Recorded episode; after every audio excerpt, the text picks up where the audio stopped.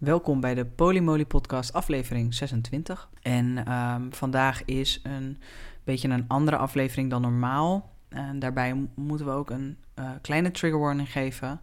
Uh, we gaan het hebben over, over uh, zelfdoding. En waarom dat is, dat gaan we zo uitleggen. Maar we vonden het wel belangrijk om even een kleine trigger warning te geven. En uh, aan het eind van de, nou ja, niet aan het eind, maar uh, voor een deel van deze podcast gaan we het ook hebben over polyamorie. Maar dit is een uh, topic, dat, daar konden we niet omheen.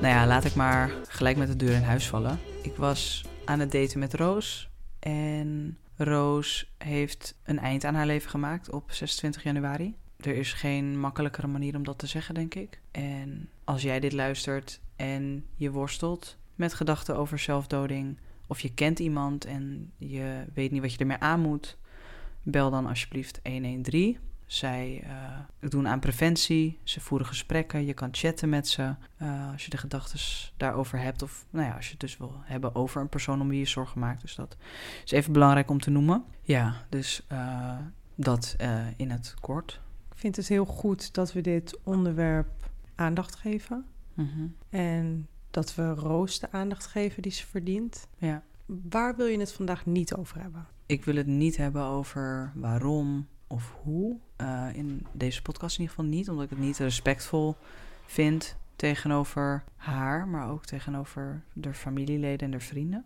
Uh, en ik vind het ook niet, niet nuttig. Het, het, heeft geen functie. Dat denk ik.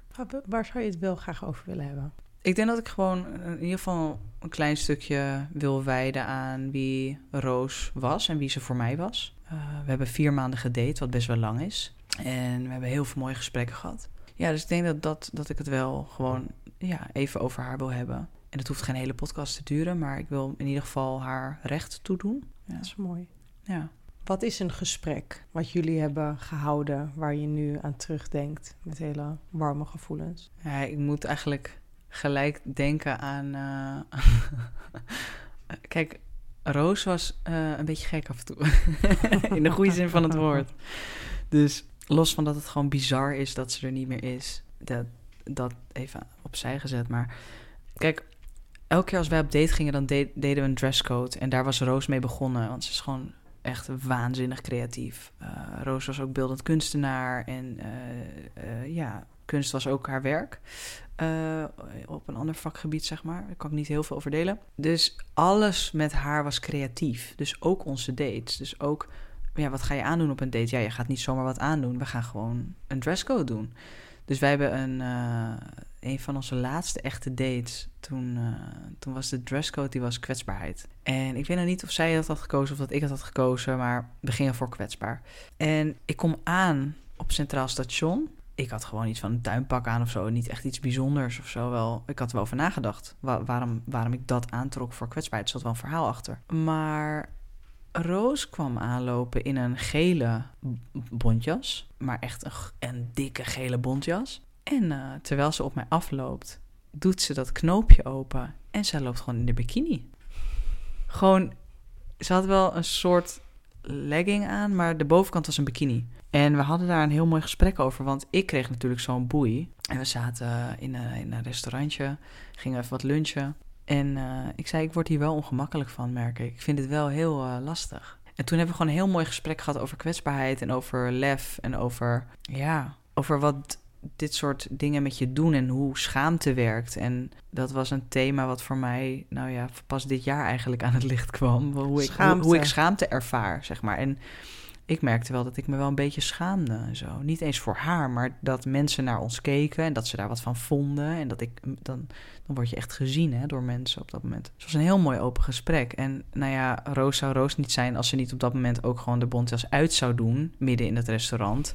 Om vervolgens uh, in de bikini daar gewoon te zitten. En, en echt de grootste scheid die je maar voor kan stellen. Ze zei: Het is niet dat het me niks doet, hè, maar nou en. I feel fabulous dat kon ze dan ook nog zeggen. Weet je? Ja, dus dat, dat, dat vond ik. Uh, en des te langer ik daar zat, des te minder ongemakkelijk ik werd. En des te minder schaamte ik had. En des te meer ik ook dacht: ja, wat maakt het ook eigenlijk uit? Weet je? Dus dat zijn mooie gesprekken. En, eh, en dat zijn lessen. En ik denk dat dat ook eh, in, in onze relatie, in de polyamorie, dat had jij nooit gedaan, bijvoorbeeld. Mhm. En dat geeft niet, want dat past ook niet bij je. Nee. Uh, maar dat ik dan dat met haar op dat moment meemaak, in dat moment, dat, dat leert me iets. En dat, dat vind, ik, vind ik gewoon heel mooi. Met jou leer ik weer andere dingen. En dat ja, maar dat is ook het mooie aan polyamorie. Ja. En dat is ook hetgene wat je eigenlijk altijd ja. aangeeft. Dat je van ieder individu leer je weer wat anders, steek je weer wat anders op. Ja. En bij haar kon je heel goed je creativiteit kwijt. En inderdaad, dit soort dingen. Ja, ja dat zijn. Uh, dat waren wel grappige dingen. Maar ja. Wat is nog meer een leuke herinnering? Ja, ze heeft me echt een super lekker Eritrees gerecht leren maken. Dus dat is een keuken die ik nog helemaal niet ontdekt had eigenlijk. Niet goed genoeg. Um, dus ik denk samen koken en samen in de keuken staan en gewoon heel veel praten. Maar ook, uh, we hebben ook gewoon hele intieme momenten gedeeld met elkaar. Dat we, uh, dan kwam ik na werk, ging ik dan naar haar toe. Want ik sliep één keer in de week, sliep ik bij haar. En dan uh, hadden we gegeten en dan gingen we gewoon lekker op de bank liggen. En dan kwam ze gewoon bij me op mijn borst liggen en dan gingen we praten en dan vielen we in slaap. Hoe vaak wij al niet met z'n tweeën in slaap vielen op de bank. En dan om twee uur, drie uur s'nachts wakker schrikken en dan, oh, en dan naar bed gaan om vervolgens de volgende ochtend naar werk te moeten. Of ja, dat uh, vond ik ook wel mooi. Ik vond het mooi dat we zo comfortabel konden zijn en dat we uh, in vier maanden tijd heel innig waren met elkaar. En Roos en ik hebben wel in onze laatste gesprekken hebben het wel gehad over dat we niet verliefd waren op elkaar, maar dat was oké.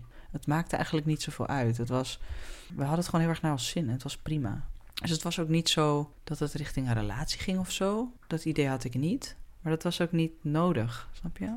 Het was, een vorm. Het was gewoon een vorm en het werkte. En, ja. Uh, en misschien waren we wel diezelfde maand nog gestopt met elkaar. Dat had ook gekund. Misschien had zij wel tegen mij gezegd van... Uh, Lou, ik vind het heel leuk met je, maar het is, uh, het is wel goed. Had gekund. Maar ja, dat is niet waar het gestopt is nu. Hoe gaat het nu met je? Um, Hoe nou was ja. het voor je? Nou, ik ben, ik ben naar de crematie geweest. Ik kon niet naar de condoleance, want ik uh, voelde me niet lekker. Ik was ziek. het is gewoon heel gek. Het is, het, eh, het is gewoon heel gek om ineens iemand niet meer te spreken. En dan ook met welke reden. Like, what the fuck, gewoon.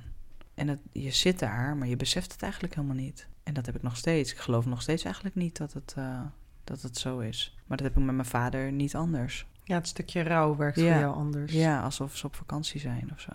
En af en toe slaat het in als een bom. Althans, er zijn vooral het eerste moment dat je te horen kreeg. Ja, dat was ook op jouw verjaardag, dus dat was ook vreemd. We waren natuurlijk gewoon jouw verjaardag aan het vieren. En toen zag ik die berichtjes en toen dacht ik, kut. Oh, Roos zou nu zeggen, kut is geen scheldwoord. Waaraan ik dan zou toevoegen, maar een delicatesse. maar uh, oké, nou ja, ja, shit. Ja. Uh, want ik wist natuurlijk wel dat het slecht ging, dat wel. Maar als het dan... Maar ik wist niet dat het zo slecht ging. Nee. nee. Het is zwaar. Ja, ja, en, al helemaal voor haar vrienden en haar familie. En, ja. en dan, ik ken haar nog maar vier maanden. En het enige wat ik weet is dat vier maanden heel kort zijn voor iemand die zo authentiek is en zo waanzinnig getalenteerd. En zij kon echt gesprekken met mij voeren. Ik ben niet snel onder de indruk van mensen. Maar zij kon mij analyseren ook op een manier dat ze echt begreep wie ik was. En dat heb ik wel vaker tegen haar gezegd. Van ik vind het zo knap hoe jij precies de angel eruit weet te halen. En dat, dat hebben niet veel mensen. Dus dat vond ik, vond ik heel, uh, heel mooi aan haar ook. En ze was ook gewoon de light of the party. Zij was echt vrolijk. Ik heb haar nog nooit zagrijnig gezien. Ze was heel aanwezig. Ze, was, ze viel op. Ze wist altijd... Ik, ik weet niet hoe vaak ik tegen haar heb gezegd... You never fail to impress. Ja, het is echt, echt een doodzonde. Maar ik denk dat zij wel rust heeft. Dus ik wil eigenlijk nog een keer benadrukken dat als je met gedachten zit of je kent iemand, uh, je wil even chatten, je wil bellen, je weet het niet meer, je zit er doorheen, bel 113. Volledig anoniem? Ja, het is volledig anoniem. En uh, dat, ik vond het belangrijk om toch een stukje aan deze, van deze aflevering daaraan te wijden. En, uh, en mijn dateperiode met Roos daarin ook recht te doen en haar recht te doen als mens. Dat ja. vond ik een mooi idee. En hoeft er nu ook niet verder meer over te hebben. Ik denk dat we verder kunnen. Maar um, ja, ze gaat heel erg gemist worden. Dat is één ding wat zeker is. Dus, hoe is het met jou? De afgelopen week is het hobbelig geweest. Om het maar even zo'n naam te geven. Mhm. Omdat ik mijn partner ehm, wederom in, in één jaar tijd eigenlijk in groot verdriet zie. Mhm. Omdat hij iemand heeft verloren. En dat was natuurlijk in maart 2023, Mhm. waarin je vader kwam te overlijden. Een hele moeilijke periode. En dan nu Roos. En dan zie ik mijn partner weer in zoveel pijn, met zoveel pijn. En dat, is, eh, dat doet ook wat met mij. Ja, tuurlijk. En eh, ik heb haar nooit mogen leren kennen, helaas. Maar ze leek me geweldig lief, leuk, vrolijk mens. Voor de rest ehm, ga ik op zich oké. Afgelopen, wanneer was het? Eergisteren eventjes een mental breakdown. Maar het gaat de afgelopen maanden eigenlijk structureel zo goed... Mhm. dat het niet anders kon dan, dat Dan ik... dat je in een dip zou komen. Ja, en toen dacht ik nog eventjes, eh, ja, ga ik van een eh, manie naar een depressie. Maar dat was gelukkig eh één dagje hoogstwaarschijnlijk te maken met mijn cyclus. Dus nu ben ik weer, eh, Topfit. nou, topfit. ik zit weer wat lekkerder in mijn vel, zeker. Ja. Mm. En wat wel grappig is, even, om even te benoemen. ehm, we hebben het jouw ouders verteld. Oeh, ja, goeie. Eh, want, ehm, nou ja, een aantal van jullie, geen idee wie het waren, maar eh, jullie hadden ons opgegeven voor het Parool. Die hadden een oproep gedaan voor eh, mensen in een polyamoreuze relatie. En wij waren meerdere malen benoemd, wat wel echt heel, heel erg leuk was. Dus ze kwamen automatisch bij ons terecht. En, eh, maar ja, je kan natuurlijk niet, ja, op, laat ik zeggen, op Spotify, daar zitten ouders niet echt. Ze komen ons niet zo gauw tegen. Op Facebook ook niet echt. Instagram ook niet echt. Maar ja, in de krant, dat is een ander verhaal. Je kan niet... We kwamen er eerst nog wel mee weg om het niet te vertellen. En het was ook... Het is niet dat we er nou heel erg bang voor waren of zo. Maar we hadden wel allebei ons verhaal uitstaan. Ja, we hadden wel ons verhaal uitstaan. Ja, ja, ja, ja. Ja, ja het zal me niks verbazen als je vader het in de tussentijd geluisterd heeft. Deze... Alle 25 eh, afleveringen. Ja, denk je? Nee, geen idee. Idee. In ieder geval, het was natuurlijk jouw verjaardag. En dat was voordat we het hoorden van Roos. En je ouders die waren hier en hadden wel bedacht... we moeten het ze nu wel vertellen. Want anders dan lezen ze het in de krant en dat is echt niet leuk.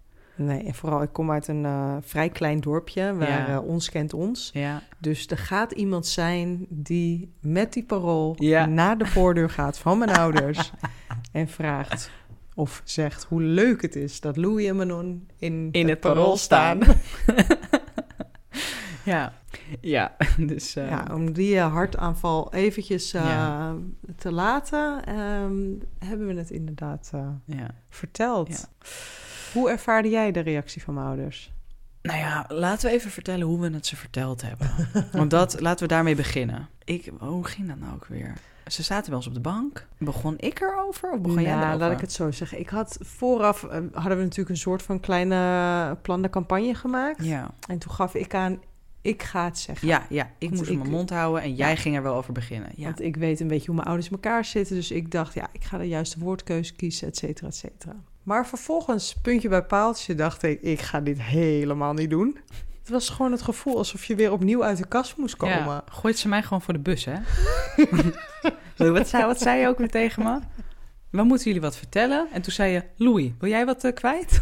zoiets, zoiets dergelijks was het. En ik keek jou echt vol waanzin aan van, pardon?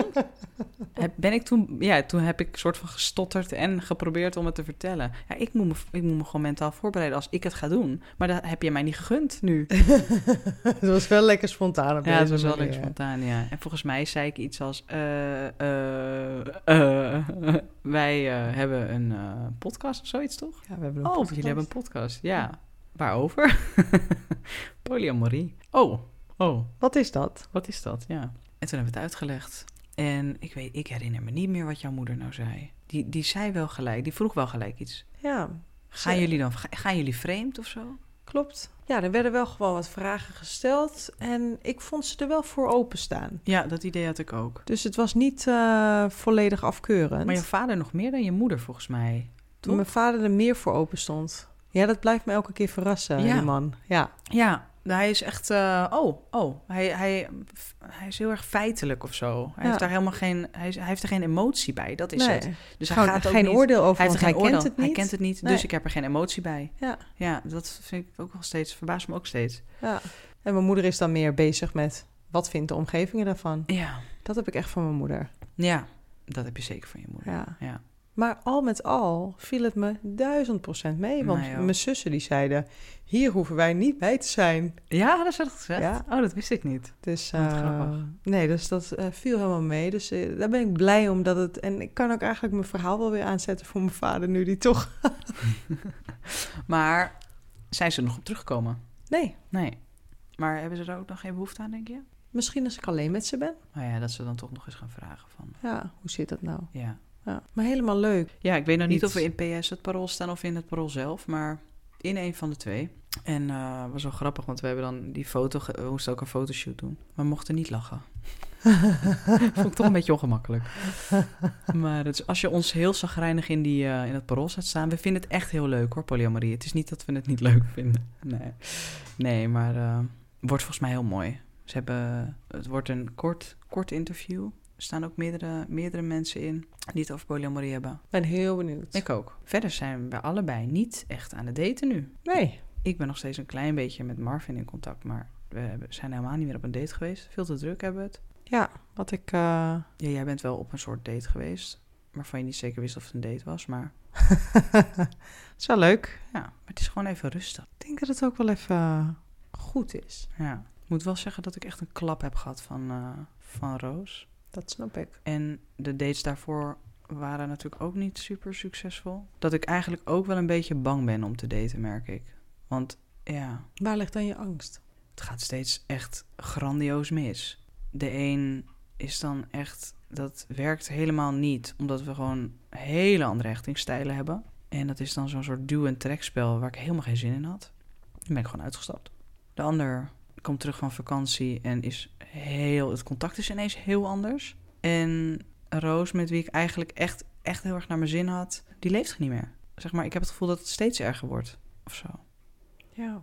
ja, het- ik vind het dan ook wel moeilijk om het te hechten of zo aan mensen. Durf je het nog wel aan? Nee, ik denk het wel, dat ik het wel aandurf, maar dat ik het wel spannend vind of zo.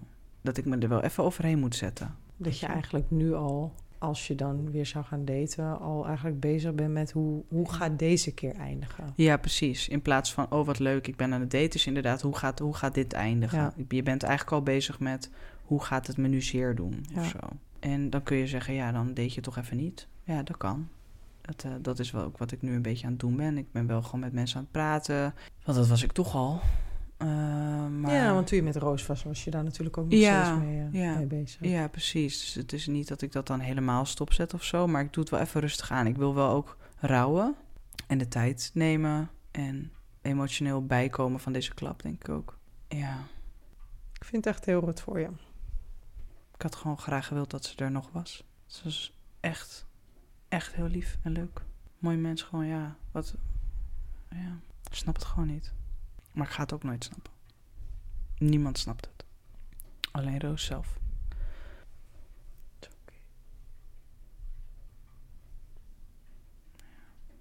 Ik had ehm, van de week een gesprek met iemand. Vond ik eigenlijk niet zo'n heel leuk gesprek. Want een beetje een vervelend gesprek ook wel. En die persoon die had ook een paar podcasts soms geluisterd. En die zei, ja, het is me eigenlijk helemaal niet zo duidelijk... waarom jullie eigenlijk polyamoreus zouden willen zijn. En toen dacht ik, volgens mij wijden we daar echt 16 afleveringen aan of zo. Maar goed, hey. Maar ik dacht wel, laat me de vraag nog even aan jou stellen. Waarom wil je dit eigenlijk? Eeuw, waarom? waarom wil je polyamoreus met mij zijn? Buiten om het feit dat ik het niet moet zijn, maar dat ik het wil zijn. Mhm. Want als het een moeten zou zijn met betrekking tot in de monogamie, zou ik makkelijk met jou monogaam kunnen zijn. Mhm. Want jij vervult alles waar ik naar op zoek ben in mijn leven. Kan dat? Kan ik alles vervullen? Waar ik naar op zoek ben in een partner, Ja. ja. Ja, misschien dat je iets vaker de vaat kan doen, maar je maakt me echt een zoveel gelukkiger en zoveel rijker mens. Mm. Maar ik weet ook hoe fijn het is om verliefd te zijn. En hoe leuk het is om nieuwe mensen te leren kennen en hun karakters en hobby's en de dingen die ze Mhm. doen. En weer een eerste date. En er is zoveel liefde te geven. Mhm. Dus antwoord dit. Je, je, hup, hup. Is dit een antwoord op je vraag? Mhm. Ja, tuurlijk.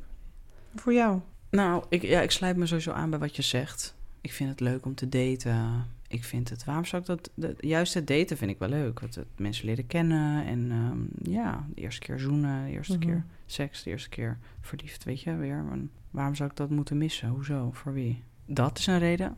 Maar ik geloof ook niet in bezit. Denk je dat alle monogame mensen hun partner als bezit zien? Nee, dat denk ik niet. Maar ik denk wel dat je je partner enigszins natuurlijk beperkt om dingen te doen. En dan heb je daar wel een soort van zeggenschap over. Je hebt wel, daar wel iets over in te brengen. Ja. En het feit dat je iets te zeggen hebt over iemand, zegt ergens ook wel weer dat je een machtspositie hebt. Dus je, ja, misschien zien zij, het is een beetje raar over, om over zij te praten, maar zij versus wij. Maar ja, misschien zien ze dat wel zo. Zien ze het niet als bezit, maar wel als, ja, ik heb daar wel wat over te zeggen. Ik vind daar wel wat van of zo. Klopt. Dus dan lijkt het al. Het voelt al gauw als ik bezit jou, Ja. want ik mag daar wat van vinden, mag daar Ja. wat over zeggen. Nou, het is belangrijk dat mensen weten dat wij niet eh, polyamorie aan het promoten zijn, actief aan het promoten zijn. Het is. Nou, ik vind dit wel een actieve promote-sessie hier. vind je niet? We hebben stickers door heel Amsterdam geplakt. We zijn het wel een beetje aan het promoten. nee, we willen mensen gewoon laten zien dat er ook Ja. nog iets anders is dan monogamie. Ja, dat is waar. En iedereen mag daarin uiteraard zijn eigen keuzes maken.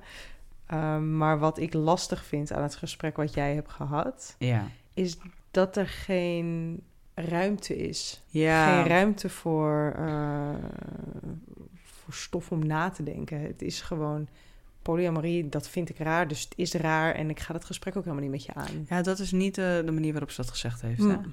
Het, is, het is meer van, er zat wel heel erg een oordeel in. En dat heb je natuurlijk, soms heb je gesprekken met mensen die monogaam zijn en die er gewoon helemaal open in staan, maar het is Mhm. niet, niet per se wat voor hun. Kun je een heel mooi open dialoog voeren. Ja, precies. En soms heb je gesprekken met mensen die gewoon een beetje onder je huid gaan zitten of zo. Dat Mhm. ik denk van, het was een beetje, het voelde gewoon heel oordelend of zo. Ja. Wat mist er dan in Manon? En dat, nou, dat blijf ik vervelende vragen vinden, vind ik moeilijk. Ja, Want het, zo zie ik het niet. En zo zie ik onze relatie ook niet. Er mist niks in jou. En ja, ik zou monogaam met je kunnen zijn. Maar het hoeft niet. Nee. Dus dan doe ik het niet. en dit werkt voor ons als een verrijking van ons leven. Ja. ja, en ik merk ook wel dat het ons steeds beter afgaat. Ik merk dat die, die momenten die wij in de eerste podcast hadden... dat we zo onzeker waren... en dat we elkaar ook de hele tijd bevestiging moeten geven... Hè? van ik ga niet bij je weg en dat soort Ja. dingen. Dat, dat is niet meer.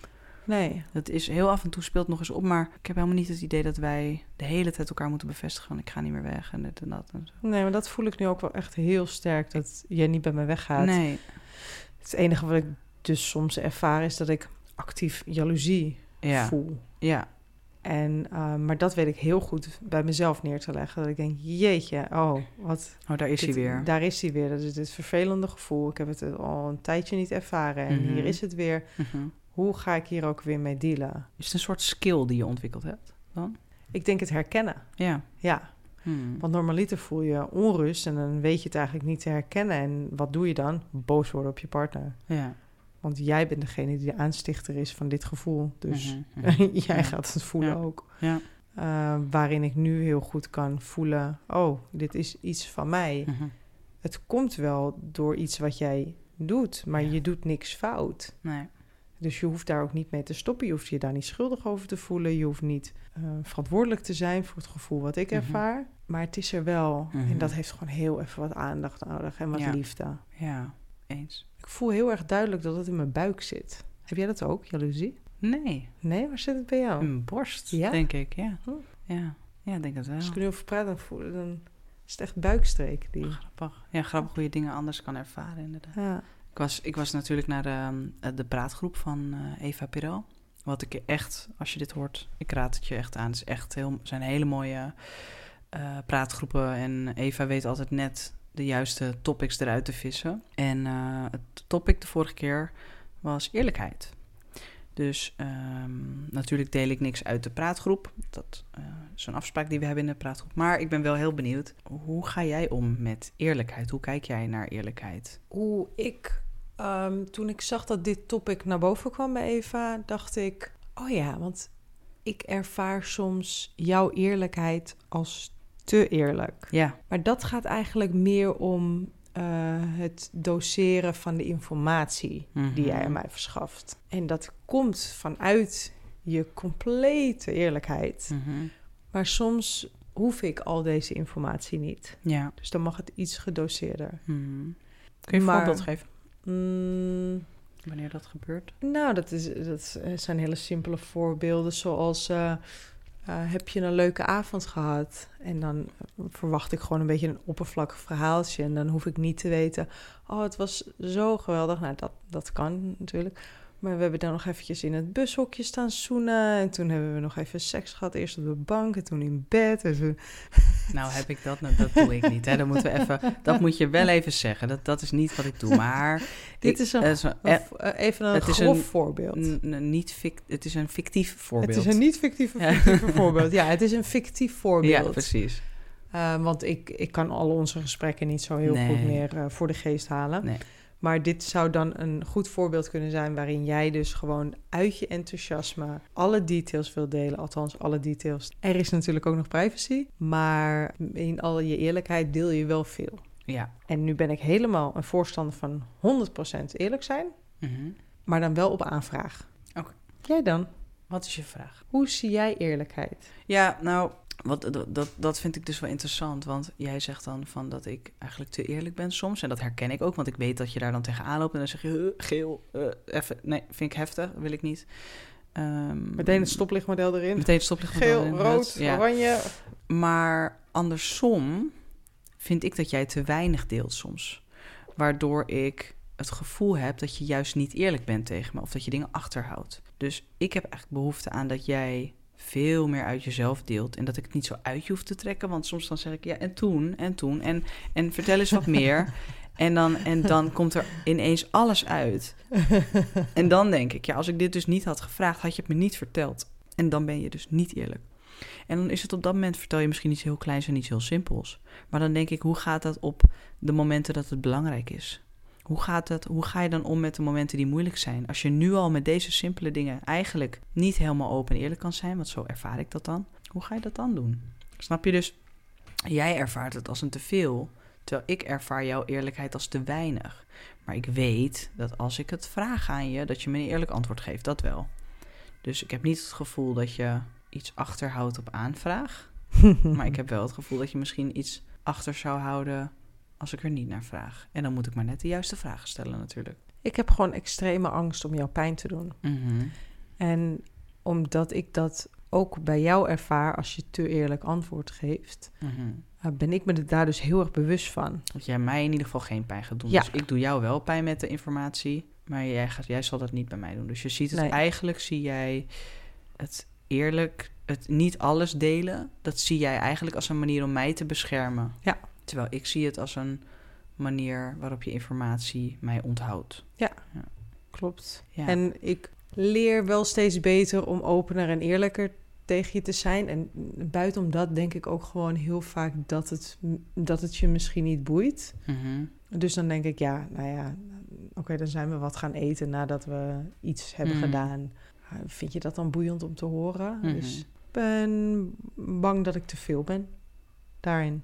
Is er wel eens een moment geweest dat je vond dat ik niet eerlijk was? Juist het tegenovergestelde, want je vindt me nu vaak te eerlijk. Is er wel eens een moment geweest dat je dacht, hm, je bent niet eerlijk geweest of hier had je eerlijker kunnen zijn? Of... Nee, ik kan me echt helemaal niks voor de geest halen. Omdat ook vanuit het autistische spectrum Mhm. jij eigenlijk niet kan liegen. Hmm. Dus jij bent altijd volledig 100% transparant en eerlijk richting mij. Mhm.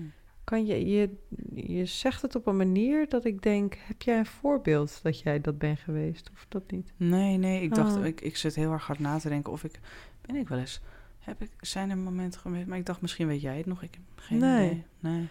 Nee, wel dat de waarheid in jouw hoofd ietsjes ander werkt dan, dan in ja, mijn hoofd. ja, ja, ja, maar klopt. Ja, dat, dat wel zijn, inderdaad. eh, dat zijn geen waarheden of leugens. Nee, en als we het dan gaan ervaringen. debanken natuurlijk, als we het uitpakken, dan, Mhm. dan komt het wel een beetje op hetzelfde neer. Maar dan heb ik het heel anders ervaren dan Ja. jij. En dan is het niet zozeer dat jouw waarheid eh, De waarheid de is. waarheid is voor mij. De, ja, precies. Ja, Ja. maar voor de rest niet. Ik heb wel een, een, een tegenovergesteld voorbeeld van jou, waarin jij te eerlijk was. Oh, Ja. vertel. Ik was heel erg jaloers met Jody. En ik had echt, ik zat er echt mee. Ik had het, ik had het lastig. Ik had het die week zo lastig. En wij lopen op een gegeven moment richting mijn moeder, geloof ik. En ja, ik zie jou al lachen. Je weet het al waar het heen gaat, hè? En ik flipte gewoon. Ik kon het niet aan even. En volgens mij ging ik ook... Weet niet eens meer allemaal vragen stellen of zo... die helemaal niet goed voor me waren... waardoor ik veel informatie kreeg... die ik eigenlijk helemaal niet aankon. En, en het enige wat ik eigenlijk van jou nodig had... was een knuffel. Maar ik had het gevoel dat jij heel afstandelijk was... omdat ik heel claimend was... deed jij echt een stap terug, emotioneel. En fysiek ook. En uiteindelijk... Ik, ik was heel boos... En toen gaf je me een knuffel. En ik weet niet meer hoe dat gesprek precies ging. Maar en toen zei je uiteindelijk tegen me van... Maar ik vind Jodie wel echt leuk. In die omhelzing zei je dat. En je zei dat eigenlijk jouw intentie was om mij gerust te stellen van... Ja, dit is wel de waarheid. Want dat is ook wat ik heel vaak zeg. Van, zeg het maar maar gewoon hoe het ervoor staat. Maar op dat moment kon ik het gewoon niet aan. En was juist dat zeggen in die omhelzing... was een, heel slecht getimed moment. Terwijl, ja, normaal zou ik dan misschien wel dat willen horen. Maar op dat moment was het echt niet. Dat Ik zat gewoon eh, ik zat te hoog. En dan had je misschien op dat moment beter niks kunnen zeggen. En me gewoon kunnen knuffelen. Maar ja, Ja, hè? het En is... volgens mij eh, ben ik toen echt geflipt en ben ik weggelopen. Ja, ja dat, eh, ik leer heel goed van mijn fouten. Die fouten die gebeuren eigenlijk allemaal bij jou. Dus Ja. sorry voor al deze dingen. Het is Eh. gewoon... eh, ik leer steeds beter omgaan met, met dit soort situaties. Mhm. Eh, waarin ik nu heel goed weet... en ik beheers het niet altijd... want ik heb mezelf natuurlijk ook nog gewoon mijn eigen ego... en mijn eigen Ja, geduld. Ehm, maar als jij zo hoog zit als dat je zat... want je zat echt sky high... had ik je gewoon als die ballon moeten behandelen. Ja, dat zeg ik natuurlijk altijd tegen jou. Zie me maar gewoon als een ballon. Laat me maar eerst even leeglopen. Ja. En soms dan komt er eerst nog wat lucht bij voordat ik leeg kan lopen. Ja. Maar ehm, Nee, dit was echt heel verkeerd getimed. Ja. Maar wel heel eerlijk. wel heel eerlijk. Heel- Ja, had niemand wat aan op dat moment. Maar goed. Sorry. Ja, joh. Ja, maar dat is eigenlijk het enige moment dat ik me echt kan indenken dat ik dacht, nu ben je echt te eerlijk. Nu kan ik hem even niet hebben. Nee. Terwijl de boodschap zelf is niet problematisch. Ik wist dat jij gek was op Jodie. Wist ik. Mhm. Ik had alleen de herhaling niet nodig in die omhelzing. Ik dacht, wordt eigenlijk eindelijk omhelst en gerustgesteld. En eindelijk. En toen dat. Ja. Ah ja, drama, Dat hè? is ook alweer lang geleden, maar Ja, maar ik vind wel, je, je benoemde het net al even, dat we gewoon heel erg groeien in wat we doen. mhm, En dat is gewoon super fijn om te ervaren. ja. En ook heel goed om te benoemen dat iedereen die in het beginstadium staat en ook de struggles ervaren die wij hebben ervaren, mhm. het wordt echt beter. Het wordt zeker beter. Ja, en, eh, maar voor sommige mensen geldt dat misschien ook niet, hè? Ja, Maar ik weet wel dat wij hebben er best wel slecht voor gestaan, ook op momenten met z'n tweeën. En niet eens dat we uit elkaar gingen of zo, maar dat ik wel dacht, oeh, ben ik, ben ik nu actief mijn relatie aan het verneuken met Ja. Manon? Maar soms duurde het een week, soms duurde het twee weken en dan kwamen we er wel weer uit. Ja. en we merken nu wel, in ieder geval dat idee heb ik, dat we sneller eruit komen. Ja, En ook door de oefeningen die we dus doen. zeker. De luisteroefening, die ons heel goed afgaat. Luisteroefening inderdaad. Er zijn een paar dingen overgebleven. De luisteroefening gebruiken we veel en het stoplichtmodel gebruiken we nog wel. Ja, die is bijna niet meer zo aanwezig. Nee, omdat we eigenlijk al weten van, oh, dit is misschien niet informatie nu die jij nu moet horen. Ja, of zo. En dan checken we dat. Ja. En jij vraagt bijvoorbeeld ook heel vaak aan mij of ik aan jou heb je er heb je nu hoofd heb jij er nu ruimte voor dat ik dit met jou kan delen? ja, Kan ik je wat vertellen over mijn date bijvoorbeeld? Of ja. en nee is dan ook een antwoord. We doen het goed met z'n tweeën. Vind ik ook. Voordat we naar de afronding gaan, is het misschien leuk om nog even de regels te bespreken die we nu hebben. Ja. Wat zijn de regels die we hebben? Nou ja, regels, afspraken. Ja, de afspraken die we hebben, voor zover ik weet dat er niet heel veel afspraken zijn. eh, behalve dat je met elkaar afspreekt hoe laat je thuis bent. Dat vind ik altijd nog wel een fijne afspraak. Ja, maar ik kwam er laatst ook achter dat dat meer was omdat ik dacht, oh, ben je wel veilig thuis dan? Of zo. Mhm. Meer vanuit dat. Maar Maar goed, dat vind jij ook nog steeds een fijne afspraak? Ja, Maar, ook een stukje veiligheid. Maar ook dan weet ik wanneer je tegen me aankomt liggen. En voor de rest, in principe fysiek contact mag altijd. mhm. In welke vorm dan ook. Ehm, wat we niet doen is random ergens blijven slapen. Maar oké, advocaat van de duivel. Ik ga eh, na werk nog wat drinken met collega's. Ik ga even met eh, een collega mee naar huis, ik noem maar wat hoor. En we besluiten seks te hebben. Dan kom ik thuis, want ik blijf daar niet slapen.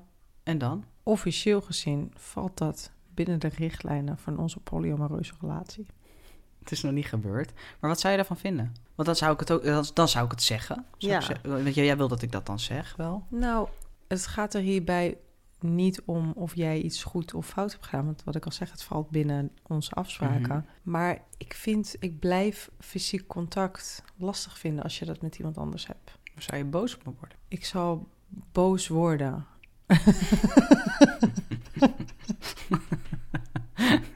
maar ik weet ook dat dat bij mij ligt. Ja. En dan heb ik je gewoon even nodig dat ik gewoon mag schoppen. ja. Waar word je dan boos op? Boos op. eh, kijk, het is natuurlijk, als je heel diep gaat graven, dan is het onzekerheid Ja. en angst om je te verliezen. En, en dat wordt gemaskeerd door een hele lading boosheid. Mhm. Ik ben gewoon graag boos. Ik vind het een heerlijke emotie. Oh. Doe het ongeveer zes uur per dag. Waarvan vijf op jou. Ja, dat is waar. Dat is wel zo, ja. Ja. Af en toe vraag ik me ook echt af wat mensen van mij vinden. Je kan echt een boos mensje zijn, inderdaad. Ook op je werk. Ja. Boos mens. ik wil gewoon dat Maar iedereen... dat het verwacht je niet als je die grote glimlach ziet. Ja. Ja.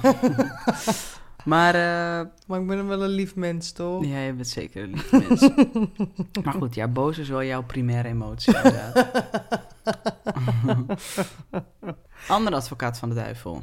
Komt-ie. Een van jouw vriendinnen, die kom ik tegen in de kroeg. En eh, daar besluit ik mee eh, te zoenen. En een beetje meer op de wc. Wat versta jij onder vriendinnen? Vriendinnen als in mijn dates? Nee, nee, nee, nee, nee. Oh, Doe nou niet alsof je een harem hebt. Nee, gewoon, gewoon goede vrienden. Daar hebben we ook afspraken over. Maar die herinner ik me niet heel duidelijk meer. Nou ja, ik kan mij herinneren dat jij er niet zo over te spreken was als dat zou gebeuren. Nee, vind ik niet zo'n fijn idee, nee. Nee.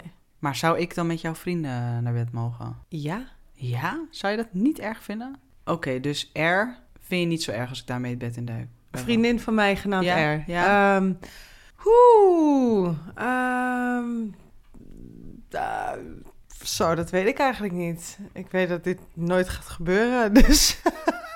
Maar stel het gebeurt. Nou, ik denk wel dat ik dat eh, lastig zou vinden. Mhm. Maar dat is ook meer omdat ik heel graag een leven heb buiten jou. Hmm. En dan wordt dat weer... Ja, dan ga je weer met je vinger in de pap. Jij en je pap. Ja, oké. Dus het is maar... Dus liever geen vrienden. Nee. Maar kijk, als jij in één keer zegt... R en ik hebben zo'n klik met elkaar. Of Oh, S en heel ik erg verliefd. Zo, verliefd op elkaar. Oh, dan maakt het wel... eh, dat maakt wel verschil dat voor maakt je. verschil, want dan is er liefde. Oh. Want dat is wat ik altijd al heb gezegd. Als er liefde is, Ja, heb ik een groter jaar liefgevoel dan dat er... grotere tolerantie ook wel. Ja. Ja, Zeker. Ja, oké. Dus we mogen in principe seks hebben met wie we willen, wanneer we willen. Mhm, Blijven slapen doen we in overleg. mhm. Zoenen mag altijd. De persoon maakt wel een beetje uit met wie dat gebeurt. Dus met vrienden zouden we dat eerst een beetje overleggen eigenlijk. Ja. Wat zijn nog meer afspraken die we hebben? Dat je de ander niet ontkent. Wat bedoel je? Je mag nooit tegen iemand zeggen: Ik heb geen relatie. Oh ja, de. Maar dat vind ik zo vanzelfsprekend dat ik niet eens zou noemen. Maar het is goed dat je het zegt. Jeetje. Ja, ja dit is echt... boos. Ja, maar ja, ik kan jou niet eens ontkennen. Heb je mijn Instagram gezien? Als zou ik willen, als zou ik mijn best doen, kan ik het niet eens. Zeg je dat ik je knappe zusje ben? Nee, het is wel. Oh, oké, we gaan afronden. Ik vind het goed. Oh, dit gaat alweer veel te ver, hè, Loé? Ja, ja. Besef je gewoon dat er laatst iemand was die dacht dat ik Loé heette door jou? Loé. Ja. Ik heet dus niet Loé, Manon doet het om te sarren. Anyway, Anyway, Loe. Een bijzondere aflevering vandaag. 1 in 3. Als je last hebt van gedachten over zelfdoding. Chatten, bellen. Er staan Ja. professionals klaar. Volledig anoniem. Bedankt voor het luisteren. Bedankt voor het luisteren. En een hele fijne dag. Doei doei. Liefst van ons. Doei.